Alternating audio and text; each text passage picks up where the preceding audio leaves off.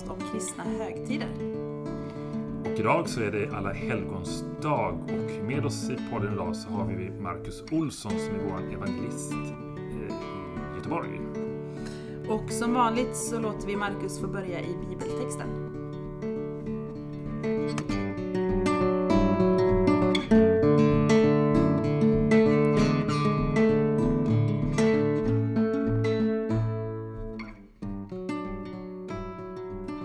Ska läsa från Lukas evangeliet kapitel 6, verserna 20 till 26.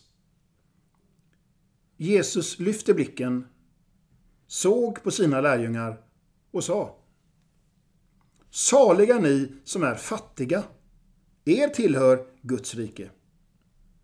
Saliga ni som hungrar nu, ni ska få äta er mätta. Saliga ni som gråter nu, ni skall få skratta.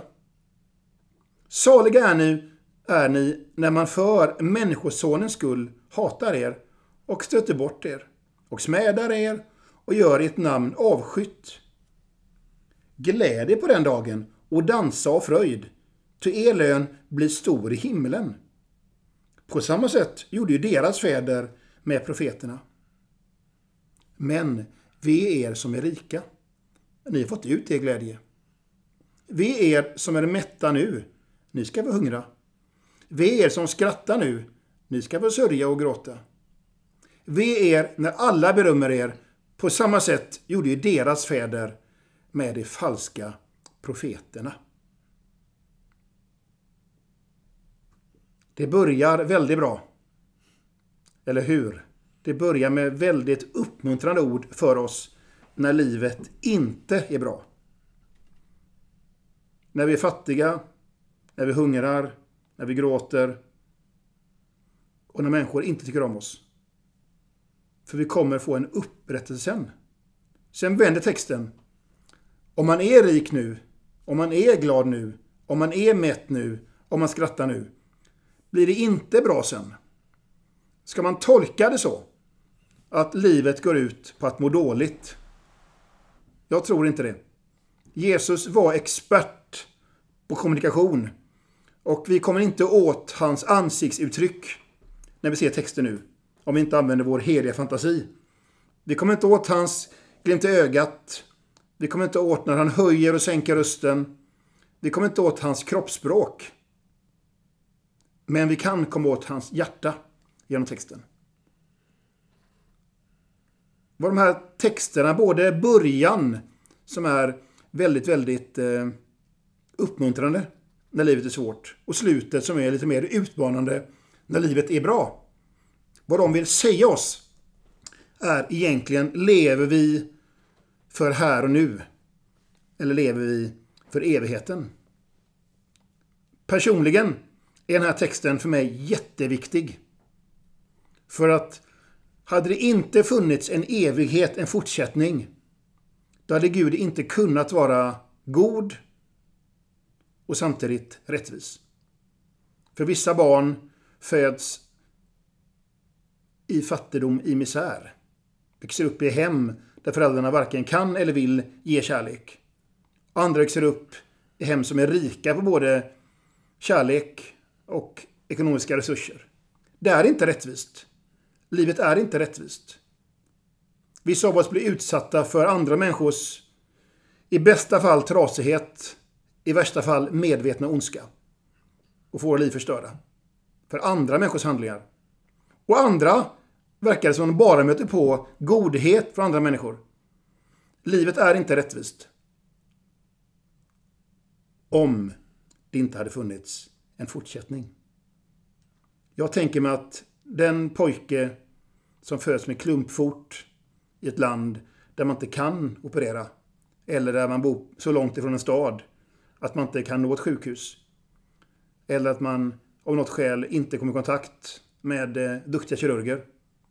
Den pojken som knappt kan gå kommer det vi kallar för himlen springa snabbast på 100 meter. Den flicka som eh, föds med trasig ryggrad som inte, kunde, kan, inte kan ta ett steg. Hon kommer kunna hoppa högst när det är höjdhopp.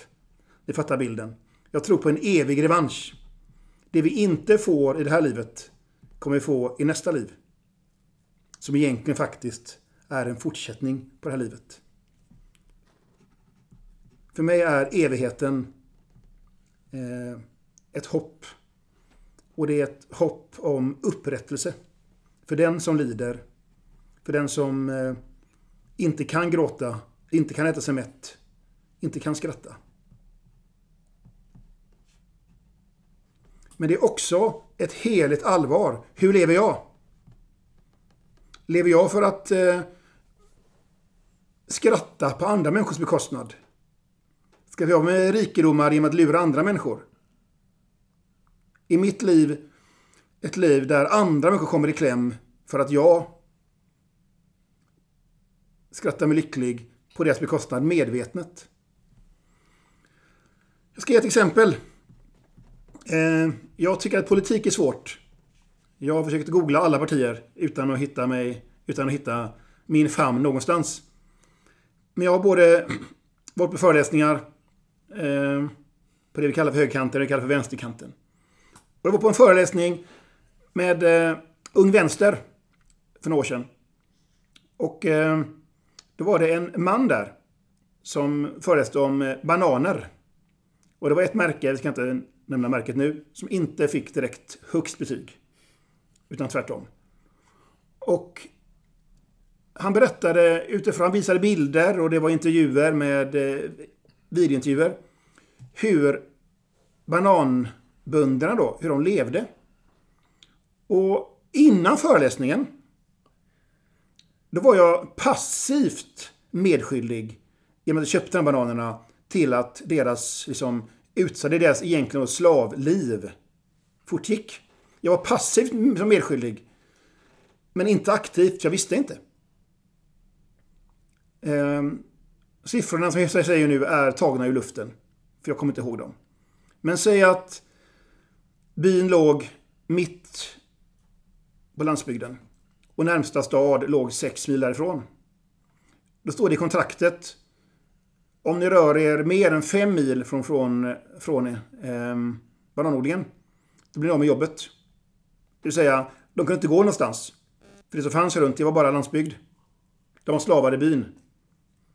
De jobbade 14 timmar om dagen, 14 timmar om dagen. Eh, och man eh, flyg besprutade ballongplantorna inklusive eh, bostadshusen runt om med flygplan. Och man hade plastpåsar med gifter för att skydda sig från markinsekter. För vi skulle få bananer som var fina. Och eh, gifterna från plastpåsarna när de blev uppeldade och gifterna från flygplanets eh, växtgifter gjorde att de föddes utan tummar, blinda, olika former av missbildningar. Och detta gjorde såklart att allt ifrån um, högsta VDn som sanktionerar det här till beslutsfattarna som genomför det här. Till vakterna som kontrollerar det här. Till mig som stöttar det här när jag köper det här. Hela den här liksom, eh, pyramiden är ju ondska per definition. Det är ont. Och den här texten är en helig påminnelse om att en dag kommer jag få stå till svars för det. Även om jag kommer undan alla domstolar. Och den eh, kriminella ledare i något nätverk, internationellt, som förstör livet för massa människor. Mördar, våldtar, stympar, torterar. Det värsta som finns. Även om han kommer undan alla domstolar och skrattar. För han kan antingen hota sig fri eller muta sig fri. Finns det en domstol det är när han kommer inför Guds tron. De varken längre kan muta eller hota. Utan då får han stå till svars för det han har gjort. Så de här texterna som är början, det är en uppmuntran för alla oss som känner att jag är ett offer för livet. Livet är inte rättvist. Nej, livet är inte rättvist. Men Gud är god. Men jag märker inte det. Nej, vänta bara. För mig är det här livet första millimetern. Jag är göteborgare, så jag använder jag Göteborgsbild på Göteborgsvarvet. 2,1 mil. Eller 4,2 om man springer ett helt maraton. Första millimetern är jordelivet. Det betyder inte att det inte är viktigt, tvärtom. Men utifrån proportionerna är det ganska kort tid i förhållande till resten av loppet. Så att för mig är dagens text en påminnelse om att när vi inte orkar mer finns det en fortsättning då vi blir upprättade. Och när vi förstör för andra är det en helig påminnelse om. Jag kommer få stå till svars för den ondska jag faktiskt aktivt ser till att fortgår. Det är mina tankar kring den här texten.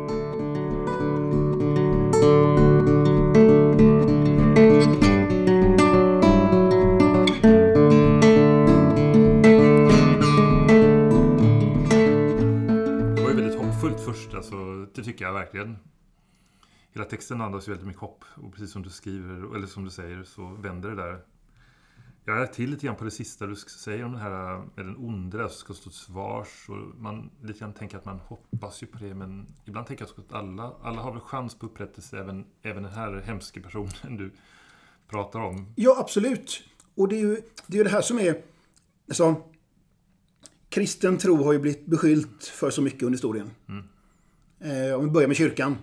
Vi måste faktiskt tyvärr skilja mellan vad Jesus sa och vad kyrkan säger att han har sagt. För det är inte samma sak. Och så också skilja mellan hur Jesus levde och hur kyrkan har levt. Det mest sjuka exemplet var de här tortyrkammarna under vissa kyrkor medeltiden. Där man skulle plåga ut synden ur människan. Alltså det är så långt ifrån Guds hjärta så att eh, att den idén kom från en helt annan plats än Guds tron ganska uppenbart. Det kommer från liksom, dödens härva. Från, från ondskans källa. Men ehm, en sakerna som är provokativa det är ju att kan Gud verkligen förlåta allt? Det är egentligen det du frågar. Kan Gud förlåta allt? Hitler. Eh, Stalin. De här som har dödat miljoner människor. Eh, lustmördare. Och vi har säkert någon i vår närhet som blir drabbad av någon människa som helt oprovocerat har begått ett grovt brott. Ehm, och hade Gud bara varit rättvis så hade svaret varit nej. För en rättvis Gud kan inte förlåta för det. Man blundar för det, man mellan fingrarna på det. Och jag blev faktiskt... Eh, den här frågan fick jag i ett ganska spännande sammanhang. Jag eh, var med på en tv-sänd debatt med några satanister när det begav sig. Ehm, de hade en eh, satanskyrka uppe i eh, Uddevalla. Eh, en kyrka som var dedikerad till Satan. Och Satan för dem, det var den inre fria människan som inte behöver Gud. Sen gick det över till dyrkan och mörkret. Men det var egentligen inte Satan som person utan mörkret och ondskan som, som de dyrkade. Den starka människan som var fri från regler och från kyrkans förtryck. Jag är med dem till typ 40 procent. Sen tappar jag dem. För jag vill inte, jag, vill inte, inte vad mörka göra, men jag förstår det här med förtryck. Eh, och då fick jag frågan. Och de sa lite så här triumferande då. Din Gud är inte god, han är ond. Han låter en, eh, en eh, människa som livet för andra bli fri och förlåten. Bara han säger förlåt mig Gud. Eller förlåt mig Jesus. Så. Den Guden är inte god, han är inte rättvis. Så den frågan som jag fick nu i lite mer sån här mild tappning i den här podden Ja. fick jag från ett väldigt vasst håll med kameror på. Men mitt svar är faktiskt samma nu som då. Hade Gud, så säger nej, den Gud som förlåter en pedofil som förstör livet för barn, massa barn. Han är inte god, han är en djävul. Och de blev helt tysta. För det var inte det man tänkte sig. Så, jag, men, om nu den här guden av något märkligt skäl väljer att byta plats med förövaren. Så det straffet som förövaren skulle fått. Isoleringscell i en stenkällare. Händerna krossade med släggor. Vilket nu straff som man nu kan tycka som människa i sina mest mörka ögonblick att en människa ska ha som begår den här typen av brott eh, skarp, svagslipad skridsko som ska skära av en kroppsdel. Ni, de här uttrycken som, som jag har hört, de här fula orden, de här uttrycken som man, man inte ens har i huvudet, men det var ju det här som hände med Jesus. Hans kropp blev sönderpiskad med metallkrokar. Kött, liksom, köttdelar slets loss på de här krokarna vid varje piskrapp. Eh, han blev sönderslagen med påkar så han fick inre blödningar. Hans organ var sönderslagna. Till sist så blev han då fastbultad med bultar i handlederna och bristerna. Och varje andetag var en plåga för att du var tvungen att trycka upp fötterna för att få luft. För så var korset uppbyggt. Om han tar platsen, byter plats för den, kan säga jag förlåter, men du ska veta hur mycket det kostar. Jag tog det straff som du förtjänar. Därför kan jag säga, gå nu och synda inte mer. Eh, så att Gud kan förlåta alla. Eh, men det betyder inte att mitt liv inte får konsekvenser. Om jag skulle helt, helt utan eh, skäl, Georg, gå fram och på något sätt ta dina glasögon och bryta sönder dem. Och säga det var roligt, det var väl roligt. Så va? Då hade du tyckt att ja, man kunde förlåta dig, men det är klart att jag kan inte se på dig på samma sätt som innan. För det var lite, lite onödigt gjort. Det fanns inget skäl till det. Och här tycker jag bland annat vi som människor blandar ihop äpplen och päron. Att Gud förlåter någonting betyder inte att inte det får konsekvenser. Det är två skilda grejer. Eh, en eh, människa som blir kristen, som gråter. Och jag har ju mött de här på fängelserna, jag har jobbat på ungdomsfängelse i många år. Jag har mött de här killarna som har fått tag på tron på Gud. Och för dem har det faktiskt varit jobbigare att bli kristen än innan. Jätteintressant. Det är inte bara halleluja, som man säger i vissa kyrkor. Det är inte bara glädje. Det är inte bara pris för Gud. Utan när de plötsligt kommer till sans, som en kille sa, jag mår sämre än någonsin sen jag mötte Gud. För jag förstår vad jag har gjort. Jag minns ju rättegången. Då, då hon var rädd för mig. Hon, jag blev utmålad som ett monster. Mm. Jag bara ville ha hennes mobil och plånbok för jag behövde pengar. Eh, så i mötet med Gud då blir vi varse om våra egna mörka sidor. Och det är väldigt smärtsamt. Samtidigt som det är nyttigt. Um, om du ska leka lite med ljus, den bilden. Med risk för att någon nu forskare som var där tänker att Marcus, det var en bra försök. Men du eh, är ute på väldigt djupt vatten. Väldigt tunn is. Det är bättre att hålla dig till din teologi. Med risk för att göra någon så. Så ljus kan ju både liksom på något sätt belysa och lysa upp då va. Nu är det ju sol idag. Just nu är det sol. Det var regn förut. Och har du inte gjort rent fönstren på länge, då är solen obarmhärtig. Eh, man ser då både vårsolen och höstsolen avslöjar ganska tydligt. Fönstret behöver bli putsat. Så, va? Så det ena gör att man, när man, man möter Gud, då ser man liksom, det här är smutsigt. Men ökar man ljusstyrkan, byter frekvens, då får man laser. Och laser bränner bort smuts. Och det är det här som är det vackra med att komma till Gud. Det finns båda sidorna. Man, man blir belyst, man blir medveten om att det är smuts.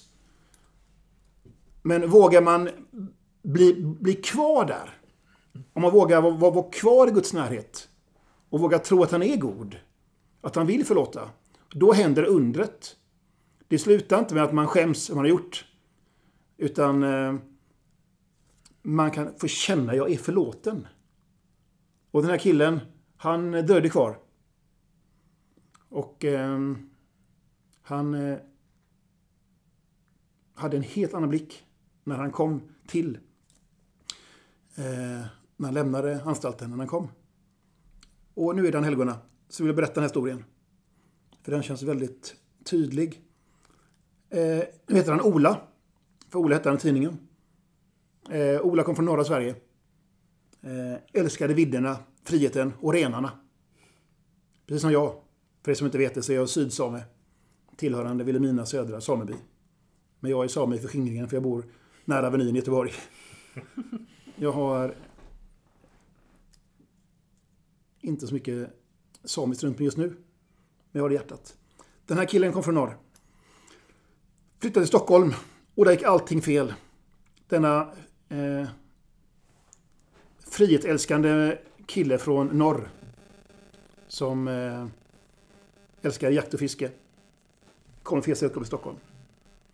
Och nu gör vi en lång historia kort. Han begick grova brott. Åkte fast. Hade ett stort ärr på huvudet. Ehm, och eh, var hård i blicken.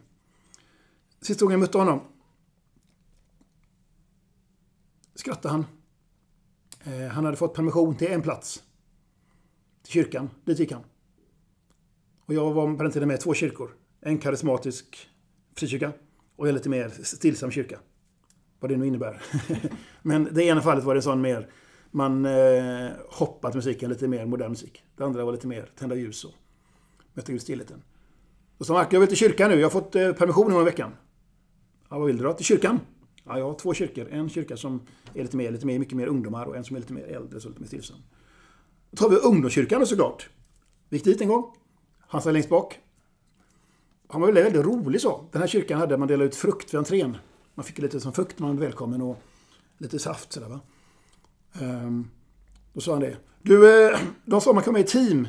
Jag är hellre med i fruktteamet än, än, än i hoppteamet. Det var de som var längst fram som liksom var de mest hängivna då. Så för jag tycker inte om att hoppa så. Så jag är helst med i fruktteamet. En jätte, jättesöt kille. Um, veckan efter så skulle han gå dit själv på ungdomssamling. På fredagen. Jag jobbade på torsdagen. Uh, jag tog kort på honom. Och skickade kortet till ungdomsledaren. Sa, han kommer själv, han är inte sådär... Det är en tuff kille liksom, men han känner sig väldigt liten i den här världen. För det är nytt för honom. Vi har firat nattvard ihop. Och han har tagit emot Jesus personligen. Och blivit glad. För han dröjde kvar. Han lät ljusets ljuset som avslöjade bli till laserljus som brände bort. Så han var fri. Inte fri från straffet, men fri från sina inre demoner. Nästan. På fredag morgon ringer anstaltschefen. Marcus, jag vet att du är ledig idag. Du har jobbat hela veckan. Men kan du komma hit? Jag ringer dig nu. Inte, inte nu i... Eh, som... Eh, jag söker dig nu, inte som vårdare utan som präst. Eh, Ola gick bort i natt. Eh, omständigheter får jag inte säga för det är sekretess på det. Så jag får inte gå in på det. Hur han gick bort, men han gick bort. Eh, jag åkte dit såklart. Min prästskjorta var svettig. Den var inte tvättad.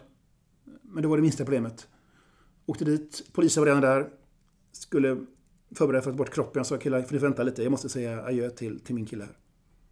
Och det är klart. Så jag gick in där. Och då ligger den där, Ola. Kroppen är fortfarande ljummen. Efter liksom... För det var så nyligen dog.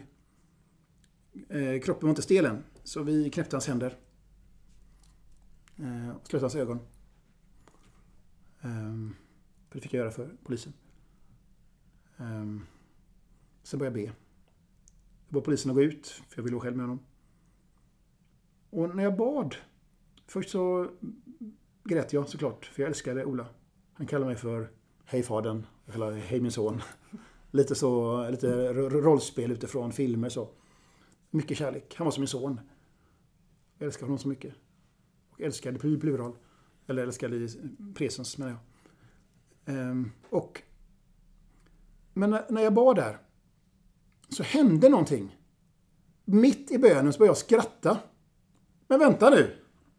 Han är ju inte kvar. Det är bara ett skal. Det är bara ett skal. Så jag, det finns en låt med Kent från första skivan. Där det går så här en, en refräng. Ett långfinger åt döden. Så jag gjorde faktiskt det. Jag sa döden, tyvärr, du kom för sent. Jesus kom före. Bara så du vet. Du förlorade även den här gången. Livet segrade. Och i mötet med den här absoluta döden, som var helt färsk, har aldrig varit mer övertygad om, om uppståndelsen och det eviga livet än i möte med Olas kropp. Och det här är ju nästa då tema som handlar då om helgona. Det är ju uppståndelsen. Eh, vi har talat om upprättelsen, revanschen, också talat om konsekvenserna, fått stå svars för det. Men det handlar ju också om uppståndelsen. Eh, Så i mötet med en ung man som inte längre lever blev jag påmind om uppståndelsens verklighet. Det var starkt.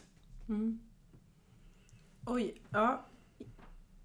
Men om döden inte är definitiv, kommer, kommer du liksom få möta Ola igen? Eller vad, vad, hur ska vi tänka? Nu är vi i en mörk period, alla helgona och vi tänker på de som har gått före oss och sådär. Vi lever dess, ut, utom 2020. Så Dessutom- det hade varit mörkt även utan detta. Exakt, kan man säga. Precis. Men eh, alltså, för mig som så här. Jag... Eh, det här är jätteintressant nu. Än en gång, om det är någon forskare som lyssnar på mig, så ursäkta mitt lilla naiva, taffliga försök till att verka påläst. Idag talar ju stor del av forskarvärlden om eh, kvantfysik, man talar om parallella universum, man talar om parallella dimensioner. Eh, så någonstans, till och med i forskarvärlden då, som är helt befriad från uttalad andlighet, talar man om att det finns nog flera dimensioner runt oss som inte vi känner till än. Det är jätteintressant. Så att i vanlig forskning idag, de säger egentligen samma sak som Jesus sa för 2000 år sedan. Eh, det finns saker runt oss som, som, som inte vi kan förstå. För mig har det aldrig varit någon gång i hela mitt liv en konflikt mellan tro och vetande. En, en del tycker det är jättesvårt. Bara, jag fattar inte riktigt. Min hjärna fattar inte tron. Eller tron fattar inte hjärnan. Så, va? Och jag har respekt för det. Men för min del är det aldrig en konflikt. Utan låt forskningen förklara hur. Och tron förklara varför. Så va? det är två, alltså, två sidor på samma mynt. Då, va? Och ett tag visste forskningen att jorden var platt. Det visste forskningen. Ett tag visste forskningen att jorden var i centrum av universum. Och då när Galilei då sa att jag tror inte det är så.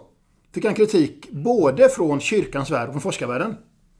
De sa det är bara för att du är kristen som du är så dum. Du fattar att det inte kan vara så. Och så sa kyrkan, nu hädar du. Eh, du umgås så mycket med forskarna. lite, lite, fritt eh, efterberättat. Eh, så att forskningen, alltså forskning, det är ju ingenting som är exakt. Utan forskning på något sätt liksom utvecklas ju mer man lär sig. Så att för mig är det inte någon konflikt. Men jag är helt säker på en fortsättning. Eh, för att vara väldigt då subjektiv. Det är ju inga bevis, men jag kan bara berätta om min resa. Jag har haft så mycket andliga erfarenheter. Då, då den här dimensionen då har, har kopplat ihop med andra dimensionen. Så att jag har haft många erfarenheter personligen som gör att för mig är det en lika konkret som det här bordet är framför mig i trä nu. Lika konkret är det himmelska för mig.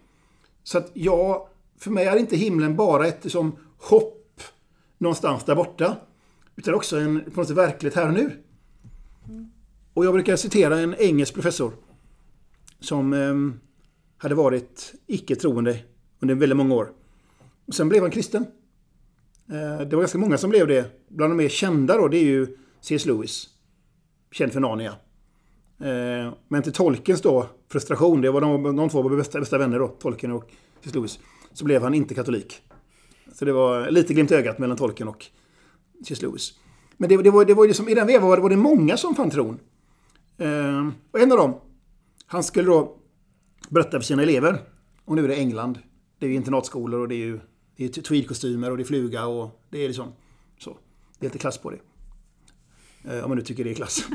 Men, men eh, ni fattar alltså va? Det är ju inte eh, det är så. Eh, eh, och eh, så ska berätta för sin klass att han har blivit kristen. Så. Och eh, så berättar han det. Bara så ni vet liksom, jag vill bara säga till er att jag liksom, nu har jag fått tro på Gud och jag ser mig nu som kristen så va. Eh, jag vet att Jesus var sänd från Gud för att visa vem Gud är och för, för att bära vår smärta. Sådär. Så. Och då var det en, en ung kille som sa så här. Sir, I don't mean to be rude. But how can you be that silly that you actually believe in a place called heaven? Min herre, alltså magistern så va. Jag var inte oförskämd. Det var han egentligen, men han sa det på sitt sätt. Hur kan du vara så naiv för att tro på en plats som kallas för himlen? Och då log den här mannen, berättas det, på ett sånt skönt sätt man bara kan le när man är äldre man. Annars blir det sån här läskigt, creepy, flörtleende. Man kan bara det när man är en gentleman. Eller gentlekvinna då. Ehm, Så sa han så här. Son, I live there. Jag lever där. För mig är himlen både en plats hos Gud, men det är också ett tillstånd i Gud. Så att som troende kan man få en försmak och det kallas för himlen redan här och nu. Eh, och det är det vi kallar för, för, för, för Guds närvaro i våra liv. Så att Guds närvaro i mitt liv vittnar så tydligt om att hoppet som finns sen eh, verkligen är ett hopp. Va? Bibeln använder ett ankare sådär. Man kastar in ett ankare eller sån här, en sån här, antingen ankare för att hålla fast en båt eller sån här klätterankare då va. Man ska klättra upp för en, en mur i en eh, riddarfilm eller en sån här ninjafilm då va. Kastar upp någonting som fastnar så kan man dra sig upp. Va? För mig är det som hoppet, det sitter där inne i Guds hjärta. Och i och med att det är mitt hopp är som placerat i Guds hjärta så kan jag få en försmak, jag kan känna vibrationen genom repet redan här och nu. Så fast jag har massa frågor om livet, eh, har mist fem vänner i cancer och kämpar själv troligen med cancer när jag var tonåring. Jag skulle inte blivit 20 år och nu är jag 47. Eh, så jag har både en tacksamhet varje dag över att jag får leva, också en frustration över de som inte får leva. En tacksamhet för de som blir fria från en sjukdom. Antingen det sker genom medicinsk expertis eller genom gudomligt ingripande eller kombination. Men också en sorg över de som i mina ögon lämnar oss för tidigt. Eh, så den här Alla helgons helgen är viktig för eftertanke. Ehm, jag hade begravning nyligen.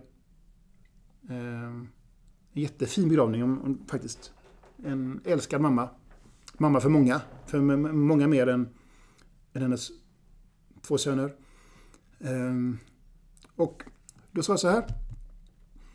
Ehm, jag skulle vilja sluta med att säga tre saker. Jag vill också ge det till råd till er lyssnare på den här podden. För det första är ehm, när du minns han och hon som du saknar.